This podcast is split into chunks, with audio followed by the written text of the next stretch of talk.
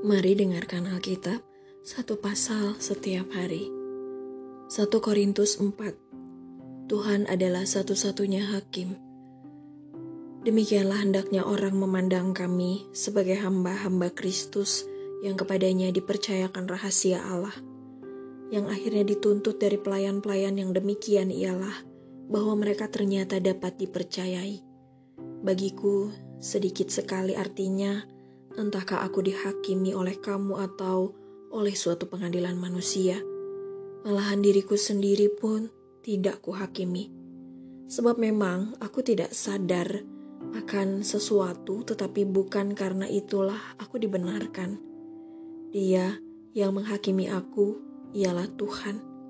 Karena itu, janganlah menghakimi sebelum waktunya, yaitu sebelum Tuhan datang.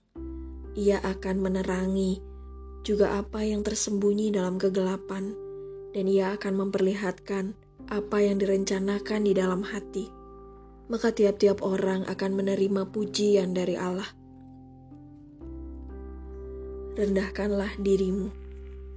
Saudara-saudara, kata-kata ini aku kenakan pada diriku sendiri dan pada Apolos karena kamu, supaya dari teladan kami kamu belajar apakah artinya ungkapan "jangan melampaui yang ada tertulis", supaya jangan ada di antara kamu yang menyombongkan diri dengan jalan mengutamakan yang satu daripada yang lain. Sebab siapakah yang menganggap kamu begitu penting? Dan apakah yang kamu punyai yang tidak engkau terima? Dan jika engkau memang menerimanya, mengapakah engkau memegahkan diri seolah-olah engkau tidak menerimanya? Kamu telah kenyang, kamu telah menjadi kaya. Tanpa kami, kamu telah menjadi raja. Ah, alangkah baiknya kalau benar demikian, bahwa kamu telah menjadi raja, sehingga kami pun turut menjadi raja dengan kamu. Sebab, menurut pendapatku, Allah memberikan kepada kami, para rasul, tempat yang paling rendah, sama seperti orang-orang yang telah dijatuhi hukuman mati sebab kami telah menjadi tontonan bagi dunia, bagi malaikat-malaikat, dan bagi manusia. Kami bodoh oleh karena Kristus, tetapi kamu arif dalam Kristus. Kami lemah, tetapi kamu kuat. Kamu mulia, tetapi kami hina. Sampai pada saat ini kami lapar, haus, telanjang, dipukul, dan hidup mengembara. Kami melakukan pekerjaan tangan yang berat kalau kami dimaki, kami memberkati. Kalau kami dianiaya, kami sabar. Kalau kami difitnah, kami tetap menjawab dengan ramah. Kami telah menjadi sama dengan sampah dunia, sama dengan kotoran dari segala sesuatu sampai pada saat ini. Hal ini kutuliskan bukan untuk memalukan kamu, tetapi untuk menegur kamu sebagai anak-anakku yang kukasihi.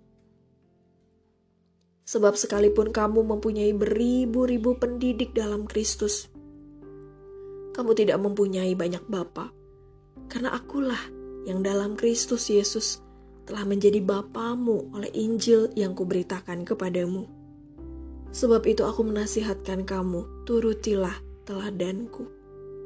Justru itulah sebabnya aku mengirimkan kepadamu Timotius yang adalah anakku yang kekasih dan yang setia dalam Tuhan ia akan memperingatkan kamu akan hidup yang kuturuti dalam Kristus Yesus, seperti yang kuajarkan di mana-mana dalam setiap jemaat. Tetapi ada beberapa orang yang menjadi sombong karena mereka menyangka bahwa aku tidak akan datang lagi kepadamu. Tetapi aku akan segera datang kepadamu kalau Tuhan menghendakinya. Maka aku akan tahu bukan tentang perkataan orang-orang yang sombong itu, tetapi tentang kekuatan mereka. Sebab kerajaan Allah bukan terdiri dari perkataan, tetapi dari kuasa. Apakah yang kamu kehendaki? Haruskah aku datang kepadamu dengan cambuk, atau dengan kasih, atau dengan hati yang lemah lembut?